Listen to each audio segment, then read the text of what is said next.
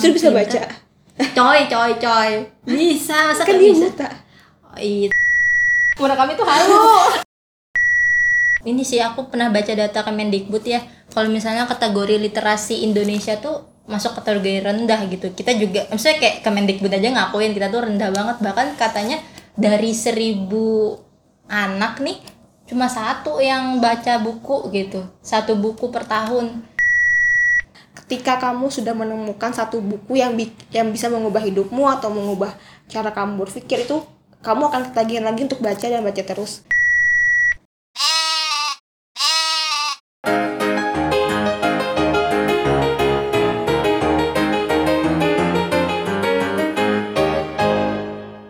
Hai selamat datang di rekaman kedua kita Yeay. Kenalin lagi, aku Panca. dan aku Gina Eh, oh ya, hari ini tuh hari Sabtu ya. Jadi kita lagi bisa untuk ketemuan nih. Kamu Iya. habis ngapain, Gin? Sebelum ke rumah aku. Aku tuh makanya datangnya lama karena aku tuh jaga anak dulu. Astaga. Biasalah ditinggal emaknya terus aku ya jagain dulu. Kalau kamu sendiri, kamu lagi ngapain nih hari ini? Oh, aku lagi kebetulan lagi baca buku nih. Ini padahal bukunya aku belinya eh, dua minggu yang lalu tapi belum kelar-kelar. Soalnya ya gitulah perlu mood untuk membacanya. Tentang apaan sih tuh? Ini judulnya Barking Up the Wrong Tree.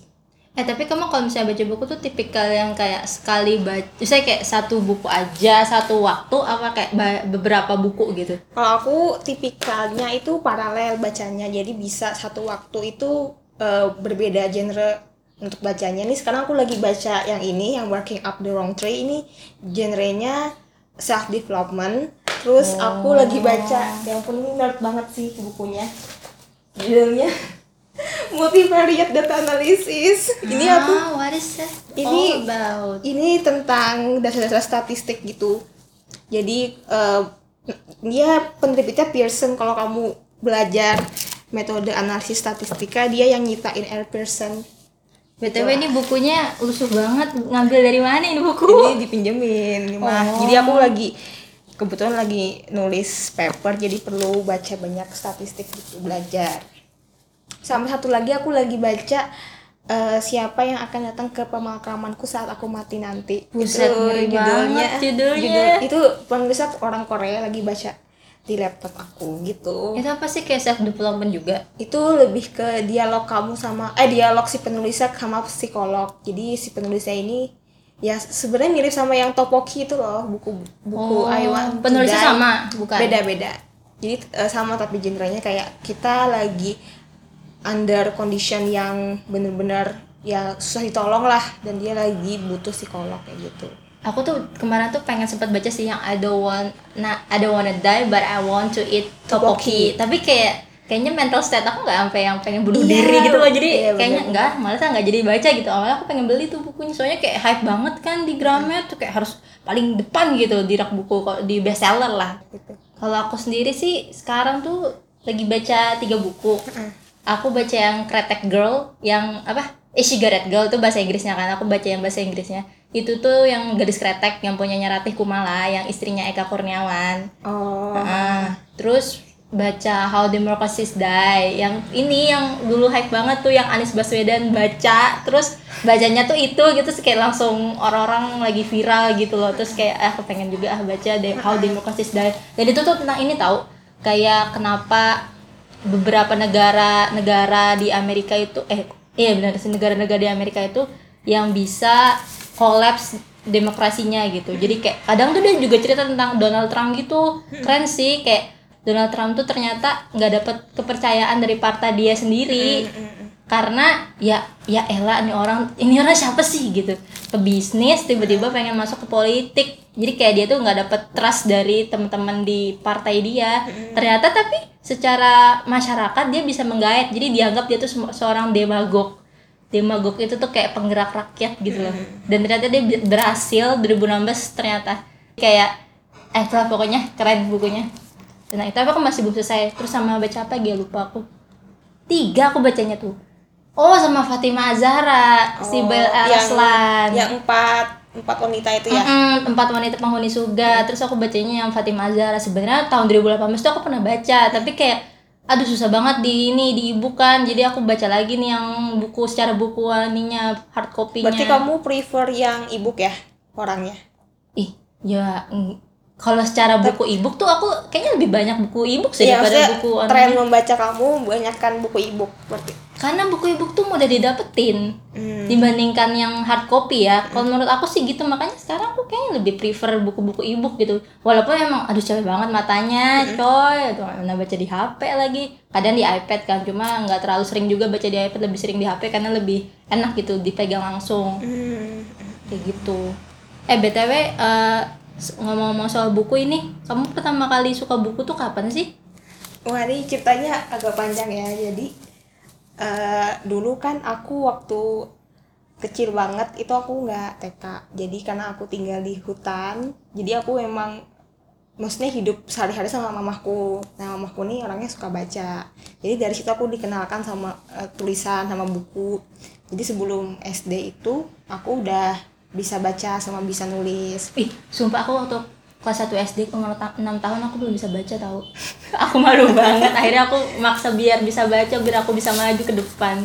Itu sih. Uh, uh, terus jadi aku emang udah uh, dikenalkan sama hal-hal kayak gitu dari kecil nah terus emang kakakku suka baca juga jadi emang maksudnya aku ada di lingkungan keluarga yang suka baca nah dari situ aku mulai suka baca yang bentuk buku itu eh, kelas 3 atau 4 SD gitu aku kayak dibeliin mamaku buku ensiklopedia gitulah pokoknya yang ngenalin anak-anak ke dunia alam. Iya, ya iya, kayak iya, iya, kayak ga- gambar-gambarnya banyak banget jadi Yes, aku suka. Yes. Aku juga suka dulu baca ensiklo. Ah, yang kayak gitu-gitu kan. Terus aku suka banget Conan. Jadi komik pertama yang aku baca itu Conan. Sampai sekarang sebenarnya aku baca Conan sih tapi Betul. tapi online. Jadi dari dulu eh, suka komik Conan Naruto sama Doraemon. Nah terus aku kan pindah tuh ke sini ke Banjarbaru. Heeh. nah terus kebetulan rumahku sama sekolahku deket sama perpustakaan daerah. Jadi kayak hampir setiap hari aku tuh habis pulang SD aku tuh mampir ke perpustakaan daerah baca komik. Buset. beneran baca komik doang kayak sampai sampai sore aku baru pulang. Aku baca sampai kayak petugasnya tuh bikin list kayak most frequently attendees gitulah. Aku tuh masuk gitu bersama eh, anak-anak SD Utara 2 Ada kayak gitu ada sampai pokoknya entah ada seleksinya gitu jadi ratu baca gitu pokoknya menangnya ada pialanya tapi waktu itu yang dapat bukan aku ada Ya ampun, ada ada ada. ada jadi ada gitu. perpustakaan anak sama perpustakaan dewasa Iya kan sih. ya. kayak gitu nah terus ini jadi SD itu genrenya komik ah, kalau aku ya terus Heeh. pas SMP mulailah kan SMP 1 nih ketemu orang-orang beda-beda terus orang-orang pada baca novel-novel remaja yang yang mestinya cinta-cintaan kayak gitu yang romance yang tentang pokoknya beda lah sama genre aku ketika aku eh, SD gitu ya Eh tapi serius emang dulu teman-teman kita ada yang suka baca. iya aku aku dulu temenan sama Vit- Vita Evita Soraya tau Oh nggak? iya sih. Nah, Heeh. Yanti yang gue geng Enim lah. Kan aku tahu Enim dari Spensa dulu. Iya iya iya iya. Kayak- apaan BTW? Oh iya, Enim tuh kayak perpustakaan baca sewa lah. Oh, tempat tukang, sewa- eh tukang lagi tempat rental Tempat inilah. rental buku. Jadi aku eh, kebetulan temenan sama orang-orang kayak gitu juga nih pas SMP terus aku ikut-ikutan ngerental. Tapi aku tetap komik aku tetap baca tapi ada tambahan baca kayak novel-novel gitu. Terus waktu itu kelas 3 apa ya? Aku mulai baca yang bahasa Inggris. Pertama kali itu baca Wimpy Kid. Hmm, Wimpy Kid kan Diary dulu- of Wimpy Kid. Iya. Asli aku suka banget. Terus itu kan emang sebenarnya eh, mudah dimengerti ya bahasa Inggrisnya ya karena Iya. ada gambarnya juga dan aku nonton filmnya juga jadi aku kebayang lah ceritanya apa meskipun kayak ah, per kata tuh aku masih kayak buka alfaling gitu apa sih ini artinya Alfaling. Iya, Ya udah tahun Alfaling. kapan Alfaling? iya masih ada alfaling kan nah terus eh ini sekalian cerita his- history ini ya history membaca aku Oke. dalam membaca Oke. terus nanti eh terus pas SMA eh, aku mulai baca oh sastra yang kita tugas itu Hmm, yang tugas-bugas kita harus baca ini kan buku-buku sastra ya. Ah, jadi mulai masuk ke buku-buku yang tebal tuh yang kayak Ronggeng, Andrea Hirata, Sepatu Dahlan. Dan Bugas tuh kayak ngenalin kita buku-buku yang 500 halaman ke atas nggak sih? Heeh. Pokoknya jadinya bisa tahan kayak berhari-hari baca buku yang sama kan dulu aku kayak komik sehari juga selesai gitu yang akhirnya menuntut konsistensi sama persistensi untuk membaca itu pas SMA. Terus pas setelah lulus eh mau lulus pas setelah lulus SMA ke kuliah itu mulai baca John Green. John Green Hmm, yang hmm, Looking for hmm. Alaska. Terus ya Hmm, pokoknya buku-buku eh, fiksi bahasa Inggris aku mulai mulai terpapar itu ketika lulus. Soalnya aku waktu kita tuh kita setelah lulus mau kuliah kan jedanya lama tuh dua bulan. Aku kan tiap hari main ke perpus itu. Ya ampun nemuin ya, ya. orang-orang yang Hmm. eh, belajar SBM so aku mulai mulai kayak baca-baca baca kayak kamu gitu. tuh menggangguin mereka mereka yang lagi iya, kan? aku lagi tukang latihan. SBM sampai kamu nyadar juga dong kamu kan juga. Apaan? terus eh, kuliah kuliah itu aku mulai baca buku-buku yang kayak eh, Islamic development gitu kayak Salim Afilah Buya Hamka terus eh apa lagi ya? Itulah pokoknya sekitar history of pengarang-pengarang Islam gitu ya? Mm-mm, sama kayak buku-buku fikih akidah gitu-gitu. Hmm. Nah terus mulai baca oh ya aku juga baca ini kayak eh, Hunger Games. Itu pas pas ya awal-awal kuliah tuh Hunger Games.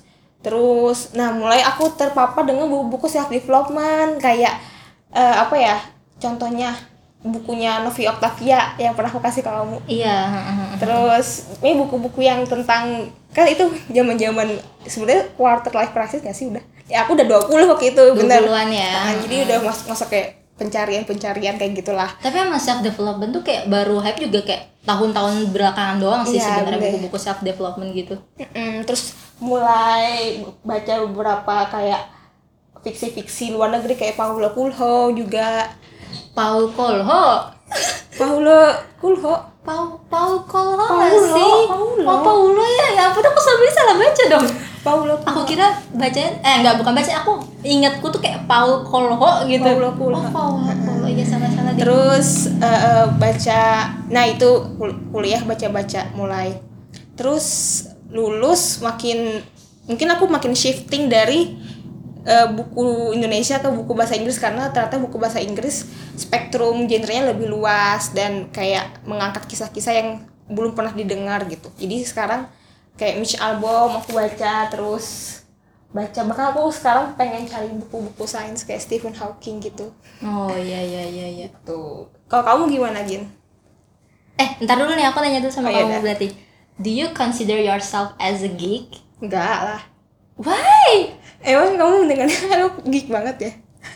I I, I think so you're geeky Hmm, boy, pokoknya temanku tuh pernah karena aku kalau misalnya sambil nunggu jam pelajaran kuliah, aku tuh selalu baca.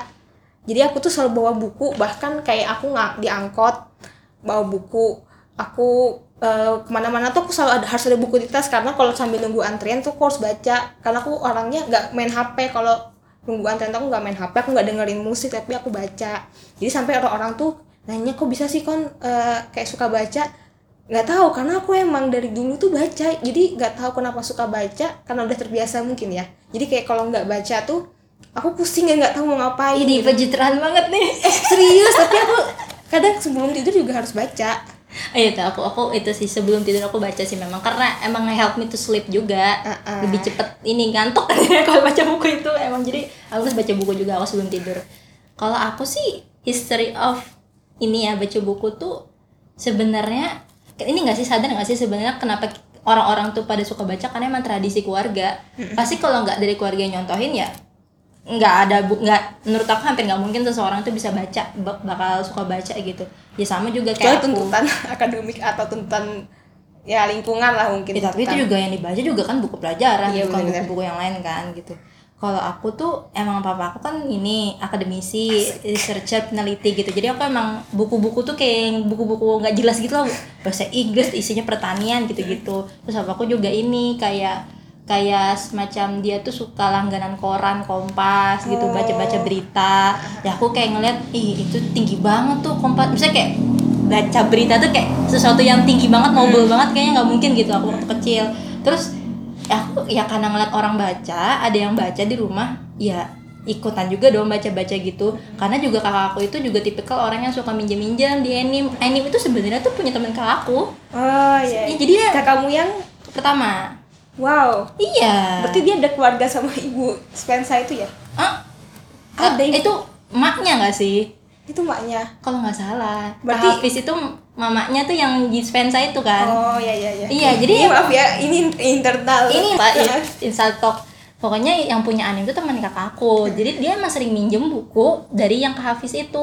Ya udah karena dia minjem buku-buku novel buku-buku. Jadi aku emang udah di udah ditanemin udah dikasih makan buku-buku novel-novel tuh emang dari aku SD banget. Kayak aku kelas 1 kelas 2 SD aku udah baca-baca novel gitu karena kak aku pinjem.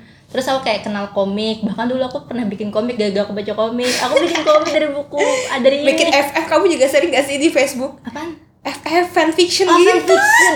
iya, iya, iya, iya. Itu masih ada blognya. Terus semua orang gak sih zaman SMP tuh bikin FF tapi aktornya eh eh, tokohnya tuh kayak Korea K-pop. Korea gitu Iya. geli banget Ah, ah, geli emang. Aku masih ada blognya kalau mau lihat gitu loh. Terus ini waktu SD udah baca-baca novel. Terus ini si Mela temen aku itu kan, dia tuh suka dikasih mamanya buku-buku. Dia nggak baca, aku itu kan bacain. Jadi aku yang minjem-minjemin. Jadi aku tuh dari dulu tuh nggak pernah punya buku, tapi aku isinya minjem doang. Buku-buku princess, buku-buku komik, novel. Tuh aku udah udah makan dari dulu aku SD gitu. Dari kecil banget. Jadi udah eh, pokoknya kalau misalnya ditanya awal banget mungkin kayaknya emang dari komik juga sih sebenarnya. Komik komik-komik kayak detektif aku suka banget sama komik-komik detektif kayak detektif Kendaichi eh, dan detektif school DDS terus kayak Conan apalagi gitu-gitu aku suka. Kamu masih baca Korea gak Miss sekarang? Udah enggak karena kan stopnya ceritanya kapan? Udah wah terakhir SMA aku ya? enggak 2015 Iya Oh. SMA itu. Karena emang ceritanya kan akhirnya kayak gitu-gitu aja kan. Ya aku udah bosen lah nggak bisa aku gini terus gitu. Mau sampai kapan aku ngikutin? Ya aku ngikutin sampai dia sampai kalau di volume kan tuh dia ada seratusan dua puluh nggak bisa ngikutin semua. Terakhir aku kan 50-an deh walaupun 50-an karena ya udahlah gitu-gitu aja. Sampai sekarang nggak selesai. Akhirnya berhenti aku baca Conan terus ba- baca-baca komik. Terus akhirnya baca novel. Aku tuh udah baca Teen Lit tuh dari aku kelas 5 SD 4 Astaga. jadi aku udah cinta-cintaan gitu kan Baca- kamu puber sebelum waktunya. Iya ember. Aku tuh udah baca Teen Lit dari aku kelas 4 SD Karena kan dikasih kakak aku sama yang dikasih Ini aku pinjem-pinjem ya buku kayak gitu. Jadi aku udah baca. Terus yang aku tuh dari dulu, dari dulu gak sadar sih kalau aku suka baca. Kayak karena ada ini ada misalnya ada nih teman punya aku pinjam. Teman punya pinjam. Ensiklo tuh kayak yang aku bilang tadi aku pinjam juga. Aku nggak pernah punya buku seumur hidup. Kayaknya aku baru beli buku tuh pas pas kuliah. Nggak bohong. Aku nggak pernah punya buku. Karena nggak pernah dialokasikan duit itu untuk buat beli buku gitu sama papaku atau sama keluarga aku lah gitu. Jadi kami semua tuh minjem Eh, waktu SMA yang kita dikasih buku sastra tuh kayaknya pertama kali aku ngerti kalau aku suka buku tuh. Karena ternyata itu teman-teman kita nggak ada yang baca nggak sih? Ya dikit sih tapi jadi lima buku kan kemarin kasih tugasnya. Dan mereka rata-rata tuh kayak cuma ngambil dari review di internet. Oh iya tah aku nggak iya tahu. sementara kalau aku benar-benar effort baca lima semuanya. Nah, aku sampai kayak beli ada yang beli ada yang pinjem. Pinjam dong kalau aku nggak mungkin beli gitu malah sanggup saya. Terus ya itu kayak yang lain tuh pada nggak baca sementara aku tuh benar-benar effort untuk baca karena aku baru sadar ternyata aku suka buku gitu.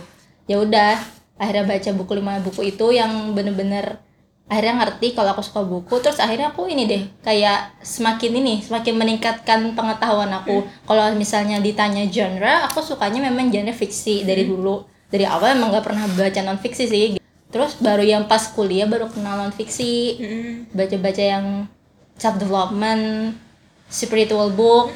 Ya itu sih storynya kayak gitu. Wes mantul. Panjang juga ya. Berarti ka- kalau dari cita kamu kamu prefer untuk eh, minjem daripada mengalokasikan uang kamu untuk beli buku? Iya karena menurut aku tuh kayak gini loh. Kayak buku tuh kayak aku tuh nggak bakal baca lagi buku itu. Jadi kalau udah aku beli ngapain habisin duit buat sekali sekali pakai gitu dong gitu. Jadi ya udah mending beli. Eh mending salah mending aku minjem. punya ini eh, another opinion. Kalau aku kalau aku tipe orang yang eh, justru kayak apa ya secondary kebutuhan aku selain kayak ya mak- makan terus beli baju atau gitu-gitu aku pertama kali ngako- ngalokasikannya untuk buku. Maksudnya eh, aku prefer orang yang prefer jadi orang yang mem- membeli buku itu daripada minjam tapi kamu kayak baru ngerti kayak kamu paham buku misalnya kayak kamu suka buku kan baru kuliah kan? Enggak sih aku beli aku komik tuh beli semua. Oh iya komik, komik sih benar-benar komik jadi buku, eh, sih. kalau di rumahku yang Garuda itu ada satu kamar isinya komik Conan semua dan Naruto semua. Oh iya iya, iya. jadi emang maksudnya aku dari kecil eh, dari SD juga aku nyisihin uang jajan aku beli bobo. Beneran u- uang sendiri gitu sampai konan yang dari harganya 9.000 sampai harganya 18.000 tuh aku beli beli gitu. Karena menurut aku eh saya orang-orang selalu bilang nggak tahu nih beberapa orang selalu bilang kayak sayang banget cuma eh, sekali beli buku nanti nggak dibaca juga. Tapi menurut aku Ya, nanti itu itu akan dibaca akan dibaca kok. Entah itu sama teman kamu atau nanti mungkin sama anak-anak kamu atau siapa pun kenalan kamu nanti akan ada yang baca kok gitu. Menurut aku eh, justru ketika ada orang baca bukumu dan orang bisa mengambil manfaat itu itu akan mengalir gitu loh pahalanya ke kamu kayak gitu. Jadi jadi aku aku kan nggak sampai ke situ pikirannya juga masih kecil. Ya maksudnya aku mik nggak aku mikir kecil nggak gitu juga aku mikirnya. Cuma aku Oh. mikirnya kayak karena aku suka membaca ulang hal-hal yang udah aku baca makanya aku beli gitu. Terus bahkan kayak aku eh, buku termahal yang pernah aku beli itu aku udah udah ceritakan ya yang pokoknya empat ribu harganya bukunya Stephen Hawking itu karena emang gambarnya bagus-bagus sih. Dan aku nggak menyesal menyesali sama sekali dan ketika orang bilang pas ribu itu kan bisa beli skincare. Kayak Iya, itu saat that me? Aku kayak waktu itu belum ngerti skincare sih. Jadi kayak hah apaan skincare gitu? Kemudian aku beli buku gitu. Jadi mungkin karena aku juga tipe orang yang agak susah baca buku via via ebook kali ya. Jadi aku eh, meminimalisir ebook. Ya udah aku baca via digital. Kalau kayak ya hal-hal yang beneran nggak ada nggak ada fisiknya nih kalau Oh iya, kalau misalnya masih ada fisiknya aku akan beli fisiknya kayak gitu. Iya aku nggak sih. Kalau kalau ada e-booknya aku nggak nggak bakal beli fisiknya sih gitu. Terus kayaknya fun fact juga sih buat aku karena aku nggak bakal melakukan sesuatu yang sudah aku lakukan gitu. Aku nggak pernah nonton film dua kali aku nggak pernah baca dua kali aku nggak pernah melakukan sesuatu dua kali. Kayak beli skincare itu mereknya pun beda-beda gitu. Beli tas beli baju nggak pernah sama mereknya. Jadi emang aku emang gitu gitu Ah. sebenarnya tipikalnya. Dan itu juga sih aku juga mulai dari bobo tuh ngerti-ngerti pengetahuan kayak bobo tuh bener-bener ini banget membuka Iya, cakrawala majalah kita bersama lah Ah, ah, aku ngerasa kayak masa Sama kecilku Hidayah. keren. Sama Hidayah nenek aku. Iya apa kalau orang dikubur apa iya, belatung lah apa bisa di apa nggak ngerti aku. Terus ini deh, kalau misalnya the most influence book in your life lah. Kalau aku the most influence-nya mungkin Conan sih, jujur karena eh, aku merasa dengan membaca Conan pola pikir aku itu lebih lebih apa ya?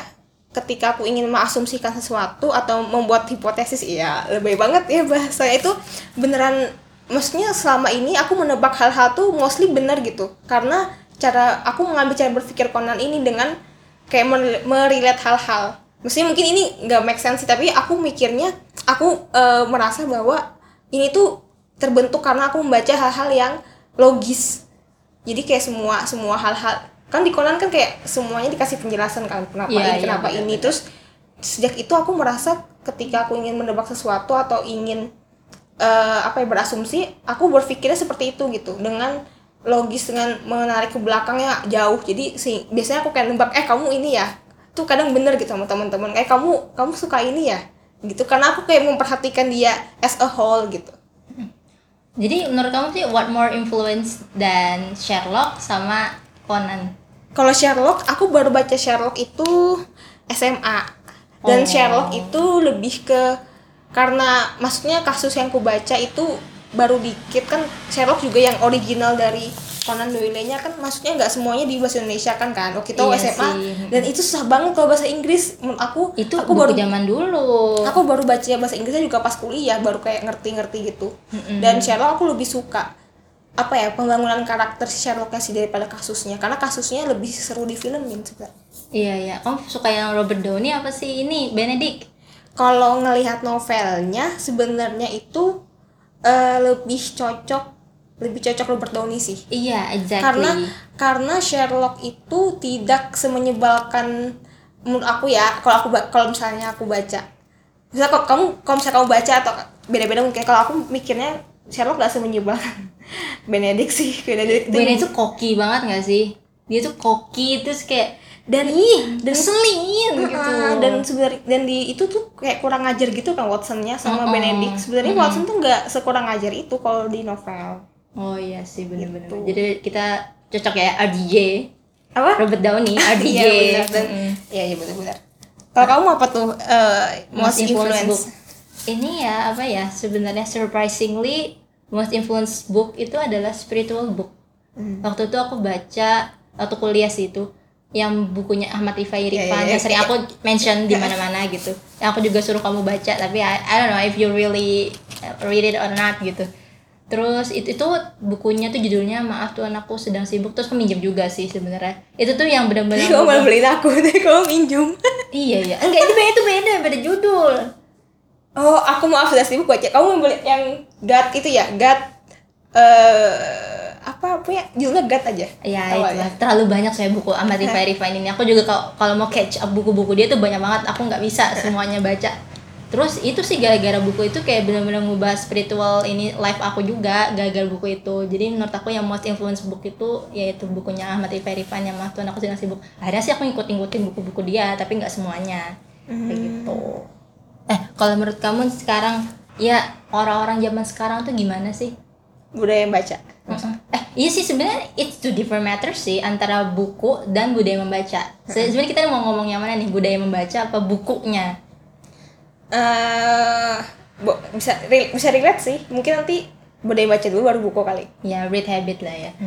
kalau aku ngelihatnya aku nggak nggak tahu sih gimana budaya orang baca buku sekarang eh kayak- Baca, budaya eh, baca. budaya baca sekarang karena ya ini sebenarnya tergantung habit kan bu- budaya membaca Betul. Dan ini sih aku pernah baca data Kemendikbud ya. Kalau misalnya kategori literasi Indonesia tuh masuk kategori rendah gitu. Kita juga misalnya kayak Kemendikbud aja ngakuin kita tuh rendah banget. Bahkan katanya dari seribu anak nih cuma satu yang baca buku gitu. Satu buku per tahun. Jadi semiris itu.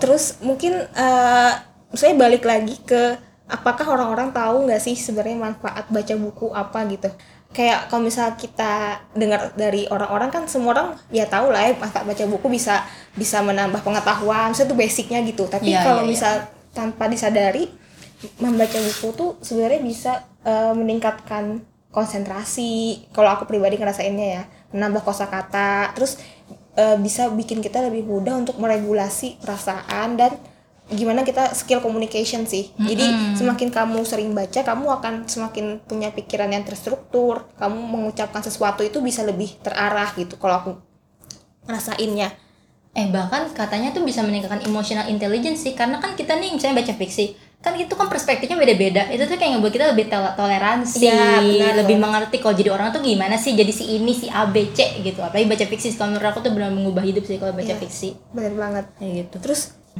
terus sama ini sih kalau menurut aku kalau kita baca kita tuh bisa nulis nggak sih Iya, ya bener bener banget Gin. Soalnya yang aku baca eh kan kemampu empat kemampuan bahasa itu yang paling yang paling awal kita dapetin kan listening mendengarkan. Yup. Jadi tuh bayi itu katanya sejak di perut ibu itu sudah bisa dengar. Makanya penting banget buat eh, ibu-ibu Dengerin calon Mozart gitu. calon enggak, calon calon bunda itu membacakan buku untuk bayinya yang masih dalam perut karena mereka tuh udah bisa dengar Hmm, kayak gitu. Terus habis eh, dengarkan kan membaca habis membaca itu eh, ngomong.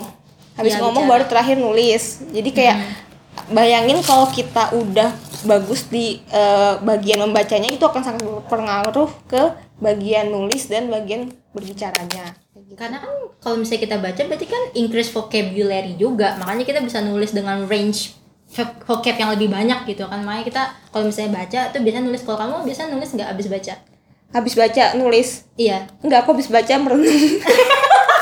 Aku nulis tuh. kalau nulis itu kalau udah kayak hal-hal yang nggak bisa aku pikirkan aku harus menstrukturkan apa yang aku pikirkan. Gitu aku nulis Hmm, bener makanya aku bikin ini kan bikin apa kompasiana tentang isi review buku kan. Karena menurut aku tuh kayak otakku tuh pengen pecah gitu. I'm about to burst. Kalau aku nggak nulisin apa yang aku pengen keluarin di buku itu gitu, tentang buku itu gitu maksudnya. Gitu. Terus menurut aku juga kayaknya semakin membaca tuh semakin kita, ngerasa kayak kita nggak tahu apa-apa gitu. Makanya kita questioning more makin banyak baca bukunya seek out for knowledge-nya juga lebih. Makanya kalau misalnya itu benar kalau orang semakin pintar semakin nggak ngerasa tahu apa-apa boy. Makanya bukunya juga semakin banyak gitu. Ya menur- ya menurut lo aja nih pendiri pendiri negara kita kalau nggak baca buku mana bisa diri negara ini? Gus Dur mana bisa jadi presiden kalau misalnya dia nggak sepintar itu gitu. Kalau menurut aku sih kayak orang-orang orang-orang Gus Dur bisa pintar- baca? Coy coy coy. Bisa masa kan dia bisa? buta iya tapi maksudnya kan sebelum itu dia makan dia dari kecil udah makanannya buku gitu. Aku pertanyaannya goblok banget. Coy coy coy. kan kaget aku. Buta. Iya tapi maksudnya dia sebelum itu dia membaca terus hidupnya tuh isinya membaca gitu loh. Berapa, berapa puluh tahun hidupnya tuh membaca aja isinya. Makanya kalau menurut aku kalau ya kita, who runs the world itu adalah orang yang membaca. Gimana nih? Kayak kenapa sih orang nggak mau baca buku terutama mungkin di Indonesia kali ya? Aku pernah baca bahwa eh, orang-orang yang nggak suka baca buku itu karena dia belum menemukan buku yang bisa benar-benar bikin dia kayak anjir ini bukunya keren banget gitu. Atau Oh, iya, kayak bukunya bagus banget. Nah ketika kamu sudah menemukan satu buku yang bi- yang bisa mengubah hidupmu atau mengubah cara kamu berpikir itu kamu akan ketagihan lagi untuk baca dan baca terus. Menurut aku orang tuh tinggal hanya menemukan satu buku itu maka setelah itu dia akan suka baca. Dan mungkin mau meluangkan waktu juga sih maksudnya kayak ya kita tahu orang-orang pasti sibuk gitu. Karena aku juga merasa eh, dipengaruhi juga sih sama waktu luang. Dan kayak misalnya kalau kita beneran kerja dari dari 10 eh dari 8 to 5 terus malamnya masih ngelembur ya kapan baca buku ya gak sih? Maksudnya itu tergantung kita mau meluangkan waktu apa enggak juga Tapi kamu sebenarnya percaya di idea of the book itself atau di idea of seeking for knowledge sih sebenarnya? Kayak misalnya gini nih kita tuh kan misalnya kita eh, kamu suka idenya dari kita tuh harus mencari ilmu gitu. Ya kalau cari ilmu bisa dari platform mana aja kan? Bisa dari TikTok sekarang TikTok tuh udah banyak tahu yang pengetahuan-pengetahuan gitu. bener-bener kayak orang-orang tuh lihat resep-resep di TikTok. Uh-uh, atau misalnya ada sejarah-sejarah kayak gitu. Terus juga kalau misalnya sekarang banyak kuliah tweet, kuliah tweet dari uh, you know lah seleb tweet seleb tweet gitu. Terus dari YouTube, dari Instagram tuh banyak sekarang yang kayak info-info gitu. Nah, berarti kamu tuh sebenarnya love the idea of the book itself. Kayak semua orang tuh harus baca buku yang konvensional yang bentuknya cetak atau ya atau misalnya ebook gitu. Atau memang kamu peduli sama orang-orang tuh harus cari pengetahuan gitu. Hmm, menurut aku eh, pengetahuan pertama bener kata kamu gak harus dari buku. Ya betul. Jadi eh aku lebih suka maksudnya aku sendiri baca buku bukan karena mau cari pengetahuan sih kalau aku ya. Hmm. Karena aku ke- membaca itu eh, kebutuhan. Jadi ketika misal aku lagi nggak butuh pengetahuan atau aku lagi malas dapat pengetahuan, aku tetap baca gitu. So it's kind of like a leisure for us gitu gak sih? Iya. Jadi kayak untuk hiburan buku tuh Heeh, apa pun hiburan. bentuknya maupun itu bentuknya pengetahuan apa segala macam itu adalah bentuk hiburan untuk kita bukan masalah kayak ini pengetahuan apa enggak ya nggak sih? ya karena buku tuh memberikan ini a whole package misalnya kalau gini nih kuliah tweet atau blog atau artikel news gitu-gitu itu kan kayak sepotong-sepotong ya informasinya gitu kayak sekali baca sekali duduk udah tapi kalau misalnya buku kan kita memberi dia tuh memberi informasi tuh secara penuh secara utuh gitu In- kayak memberikan info yang Tapi full FYI aku suka blog walking juga sebenarnya. Jadi aku suka banget bacain medium orang, bacain blog orang. Jadi kalau misalnya gimana orang biar bisa punya budaya membaca, misalnya beda nih antara gimana biar orang suka buku kan tadi kamu udah bilang. Kalau misalnya harus menemukan buku yang tepat. Kalau misalnya gimana orang bisa menemukan budaya membaca, ya kamu membaca apa aja yang yang bisa kamu cintai gitu. Kalau memang dari awalnya harus membaca dari komik, then do it. Kalau kamu memang ini pengen membaca dari misalnya dari Webtoon? blog, ya webtoon, anak ya mungkin gitu. Atau misalnya dari blog atau dari news article atau dari kuliah tweet kuliah tweet, then do it. Kalau menurut aku nanti kan bakal ini sih menurut aku bakal mengembang mengembang karena itu semakin kamu membaca semakin kayak ah kayaknya aku harus ngerti ini lagi deh itu you questioning more gitu makin hari mungkin bakal suatu hari bakal ke tahap yang membaca buku konvensional gitu. Misalnya kayak buku di ebook atau di buku yang hard copy gitu. Ini sih. Terus menurut aku juga sebenarnya paling penting itu adalah bukan bukunya tapi budaya membacanya budaya seek for the knowledge-nya itu. Karena kayak ini sih Jadi katanya- seek for knowledge apa pleasure? itu kalau buku kalau tentang buku. Tapi kalau itu kan kamu pendapat kamu tadi Eh, kata, ya maksudnya tadi kamu bilang berarti itu kan eh, leisure kan? Sebenarnya itu kesenangan kan? Kalau kita bukunya. berdua. karena kebetulan kita tuh kebetulan suka buku dan suka mencari pengetahuan. Kebetulannya itu aku nggak kan. suka jadi pengetahuan. Oh iya. Kalau aku tuh malah tipe suka mencari pengetahuan. It's not about the book. It's not about the idea of book. Kalau aku kalau kamu kan it's about the book gitu. Pokoknya ya aku lebih ya ya, aku cuma kayak mengafirmasi aja kayak mungkin itu adalah leisure for us gitu. Iya. Tapi kalau aku tuh itu lebih ke the idea of reading habitnya semua orang tuh harus punya reading habit. Bentuknya apa aja? Kayak cool tweet kah aku bilang tadi atau dari YouTube biar, dari IG biar nggak kemakan hoax.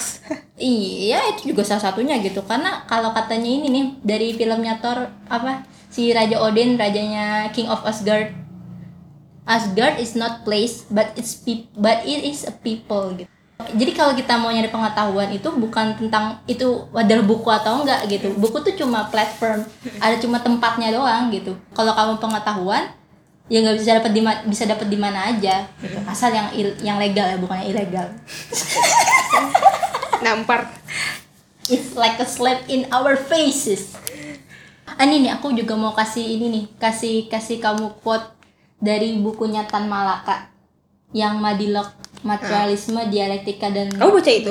No, I don't read that. Itu karena kan- susah banget nyari bukunya sih kalau ada aku. ada Ada sih di mana?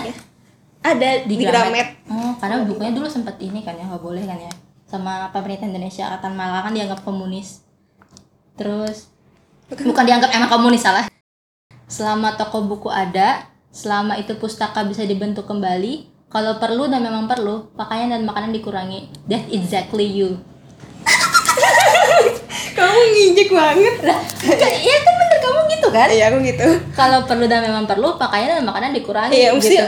mungkin orang-orang terdekat aku tahu banget bahkan kayak kalau buka lemari aku itu kayak skincare Melompong gitu skincare itu cuma cuma minyak kayak putih gitu bu terus kayak apa baju-bajunya juga aku jarang tapi kalau buka lemari buku aku kayak temen kesel aku kayak bilang wow kamu bisa bikin perpustakaan Buset. Lebay banget tapi emang aslinya pleasure-nya beda sih ketika habis beli buku sama beli beli baju. Itu sih kalau aku tuh makanya aku bilang aku pernah pernah nulis gini kan di Twitter. Kayak cara me entertaining myself entertaining aku diriku sendiri itu susah dan membutuhkan ini expensive expensive way aku bilang. Karena emang aku tuh kayak aku tuh ya self diagnosis aku tuh kayak polimer gitu loh. Aku suka semuanya gitu. Aku suka aku suka baju aku suka fashion aku suka skincare aku suka buku aku suka film aku suka musik aku suka aku tuh suka banyak hal dan mendapatkan semua itu tuh nggak bisa dalam sem- semua aku nggak bisa dapat semua nggak bisa dapat semuanya gitu. Makanya aku bilang kalau dibilang aku bakal beli buku terus kapan aku beli skincare? Kapan aku beli baju? Terlalu banyak yang aku suka. Aku harus langganan Netflix juga misalnya aku harus langganan Disney Hotstar gitu. Mungkin Gin ceritain coba tiga buku paling rekomen dari kamu. Eh, mungkin dari judulnya apa pengarangnya siapa sama dia genre dan sedikit ceritain tentang apa oke deh ini mungkin kalau untuk yang rekomendasi buku kayak you have to must read lah gitu. Iya, you have to read it once in a lifetime gitu. It, pertama buku yang tipis dulu ya. Buku tipis itu orang-orang proyek punya Ahmad Tohari. Mm-mm. Ya, hi- dia tuh sastrawan terbaik menurut aku gitu loh. Oh, tuh hari tuh ronggeng kan? Yang ronggeng itu Iya, kan? Iya. uh, terus itu uh, pertama orang-orang proyek karena orang-orang proyek itu tentang id- antara idealisme dan ya lu harus hidup gitu. Antara Pragmatis, itu pragmatis sama idealis. pragmatis atau idealis. Dan itu tuh pilihan sulit karena dia ceritanya gini kayak dia tuh orang proyek terus kan zaman zaman Soeharto kan korup nih. Terus akhirnya dia tuh kayak bingung nih orang-orang pada mau korupsi. Sementara dia tuh anak yang sangat idealis dia tuh ya anak jujur lah gitu. Dia bingung antara dua itu tentang idealisme sih gitu. Kalau menurut aku tuh ini banget perten pertentangan batin banget ya. Itu nomor tiga atau nomor satu? itu nomor tiga berarti Tiga, salah ya. tiga. Kalau keduanya menurutku a must read itu adalah Animal Farm. Hmm. George Orwell. Karena emang semua orang katanya emang harus baca buku itu sih bener.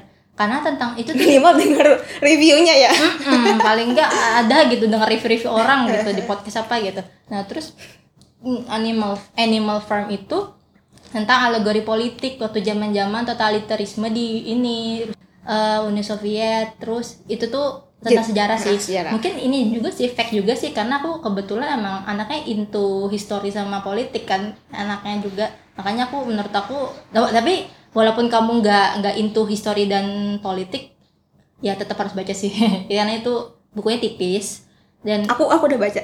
oh udah baca ya Aku download PDF-nya. oke heeh. bagus nggak Iya. Aku pas baca akhirnya kayak kayak aku kayak wow. Saya dia yang dia bilang akhirnya eh, apa apa sih yang kalimat terakhirnya aku lupa. Pokoknya semua orang semua orang jadi babi jadi manusia apa gitu ya aku lupa. Iya pada akhirnya semua orang kan jadi kayak hewan. Eh kayak manusia kita nggak bisa salah. bedain oh kita nggak bisa bedain who is who is siapa yang babi siapa yang manusia gitu. Mm-mm. pokoknya gitu. Kayak wow. Kebalikannya emang, kan emang tipis sih. Mm-mm. karena kan alegori kan. Jadi kayak semua orang bakal jadi manusia. Maksud merasutnya aslinya semua orang bakal jadi hewan gitu. Kayak serakah gitu. Terus ini yang, yang pertama ini Ahmad Tori lagi Ronggeng Duku Paro. Oh, iya, iya. itu kan sebenarnya kan trilogi ya.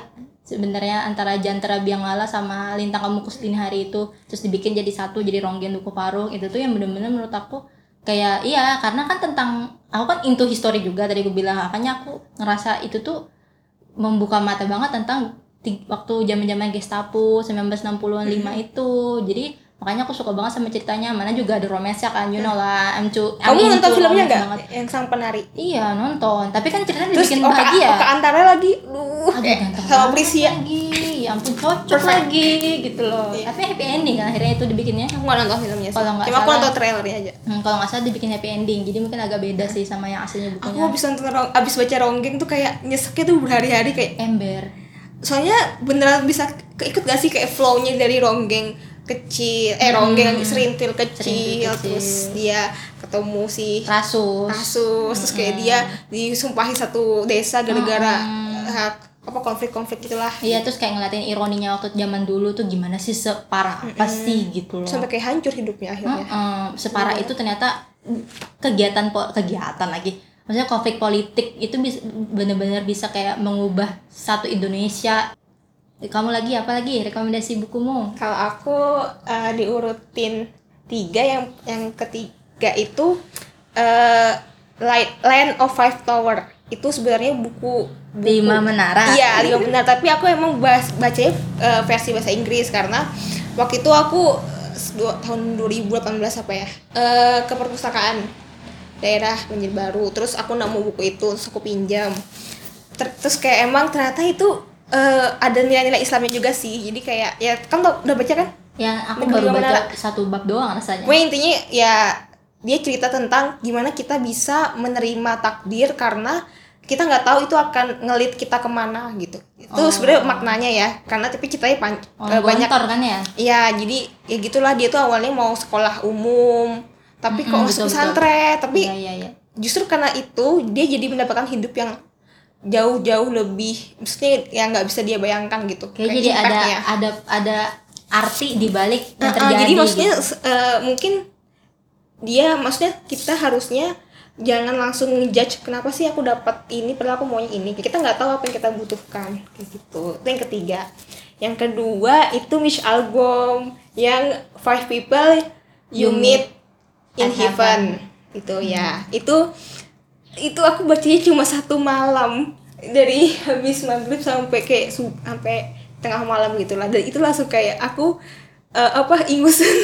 Asli. nangis banget. Udah baca? Enggak belum. aku udah masuk list dong tapi. iya iya benar itu harus baca. Itu kayak mungkin karena aku juga punya ah itu pengarangnya eh album pengarangnya itu judulnya tadi sudah.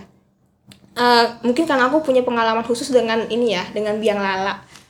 Hmm. Jadi aku sangat-sangat attach dengan kayak first paragraph dari uh, buku itu karena menurut aku memang yang bikin kita bisa attach banget dengan suatu buku adalah emang dari first paragraphnya. Kalau menurut kamu first paragraphnya udah menarik kamu untuk membaca itu lebih jauh berarti buku itu emang bagus. Karena aku pernah nemu buku yang kayak udah berhalaman-halaman tapi kayak apa sih ini ngomong apa bukunya udah ketinggal gitu. Karena aku Iya, malas baca buku Jangan itu. habisin waktu kamu untuk sesuatu yang kamu bener-bener nggak suka gitu. Iya, bener banget. Terus itu bukunya ceritain tentang gimana kita bisa menghargai hidup. Jadi kamu jangan sampai kamu udah mati dan kamu baru tahu bahwa hidupmu itu sebenarnya nggak cuma tentang diri kamu. Kayak kamu, maksudnya kita tuh nggak hidup tanpa ada ikatan dengan orang lain gitu. Jadi jangan sampai kamu berpikir bahwa kamu hanya hidup sendiri karena semua yang kamu lakukan itu selalu berkaitan dengan orang. Gitu. Dan itu plot twist sih terakhirnya makanya aku sampai nangis ambiar gitu. Karena ceritanya plot twist Iya, terakhirnya. iya, iya. Yang ketiga, eh kes pertama Yang berarti. pertama ini aku selalu bilang ke orang-orang ini harus baca. Mm-mm. Ini The Little Prince atau Oh, mungkin bahasa Perancisnya La La La- Petite Prince. Mm-mm. Itu Antoine de Ex- Antoine de Saint-Exupéry. Itu sastra sastra pak yang masuk 10 besar paling laku dan paling sering translate ke bahasa di dunia. Banyak yang udah baca tapi nggak ngerti ini ceritanya tentang apa gitu. Semua saya ada beberapa orang yang ini fabel biasa karena dia ada hewan-hewannya gitu. Ada cerita dongengnya tapi sebenarnya itu jelas kalau kamu bisa menginterpretasi itu itu beneran nampar banget sih ceritanya. Jadi dia cerita tentang kayak fenomena orang dewasa, grown ups, fenomena grown ups yang dibungkus jadi cerita anak-anak. Jadi kata si eh, penulisnya ini ini sebenarnya buku untuk anak-anak. Tapi eh, karena saya berteman dengan orang dewasa dan saya cinta orang dewasa, buku ini juga untuk orang dewasa gitu. Jadi sebenarnya eh, jadi buku ini bisa untuk semua umur lah. Jadi tergantung kita gimana menginterpretasikannya. Bagus banget. Itu tipis banget kayak cuma berapa halaman ya? 40 halaman apa? Dan bergambar. Tapi kan itu mepet-mepet kalau nggak salah paragrafnya kan. Eh. jadi kayak fontnya juga kecil, paragrafnya juga kecil Enggak, kan? enggak. Oh enggak ya? Gede, gede kok. Aku Oh. ini ada bukunya. Bagus banget. Aku sih nonton filmnya doang ya, aku nggak baca bukunya. Harus soalnya. baca. Biasanya kayak aku, makanya aku kalau aku udah nonton filmnya aku harus baca bukunya. Soalnya filmnya lebih ke cerita anaknya kan sama si kakek itu. Oh, enggak, malah lebih pengembangan di film kan. Iya, tapi jadi kamu nggak baca kalimat maksudnya. Eh, sama ini aku tuh ketinggalan. Aku tuh pengen empat deh, empat satu lagi ya. Gak boleh. harus mengganti, harus menggugurkan satu. Menggugurkan salah satu. Animal Farm aja aku gugurin Ya, karena ini menurutku tuh penting. Di bukunya ini bukunya Colin Hoover yang aku suka banget penulisnya itu. Romance. Yes, exactly. Terus itu tentang it ends it ends with us gitu bukunya judulnya. Itu tuh tentang ini KDRT. Jadi kayak kamu tuh nikah. Kenapa sih orang-orang KDRT itu tetap bertahan sama rumah tangganya? Jadi itu dijelasin apa sih yang terjadi sama Cewek. orang cewek itu tersebut kenapa sih harus bertahan di KDRT padahal kita tahu kan tuh KDRT kenapa kenapa sih kamu harus bertahan di KDRT itu? Nah itu tuh dijelasin apa sih sebenarnya state maksudnya kayak kondisi ininya dia kondisi mental dia tuh sebenarnya seperti apa? Kenapa harus bertahan gitu? Nah itu menurutku benar-benar ngebuka ini sih toleransi untuk kita semua. Kalau pernikahan tuh nggak nggak kayak kalau kamu gak cinta lagi kamu tinggalin. Kalau kamu kalau dia selingkuh kamu tinggalin. Kalau dia apa miskin kamu tinggalin no nggak nggak semudah itu pernikahan gitu loh. Nah itu tuh diceritain. Makanya kalau menurutku tuh harus dibaca untuk semua orang karena itu memberikan toleransi buat kita semua sehingga benar-benar ngejudge cewek kayak gitu. Kamu ada wishlist nggak di buku kamu? Eh di Oh, buku kamu one lagi to di read gitu ya. iya want to read-nya Ada tapi di di HP kayak di di, eh, apa di- buku-buku anu. di Notion di laptop uh, wishlist aku educated Tara Tara is over.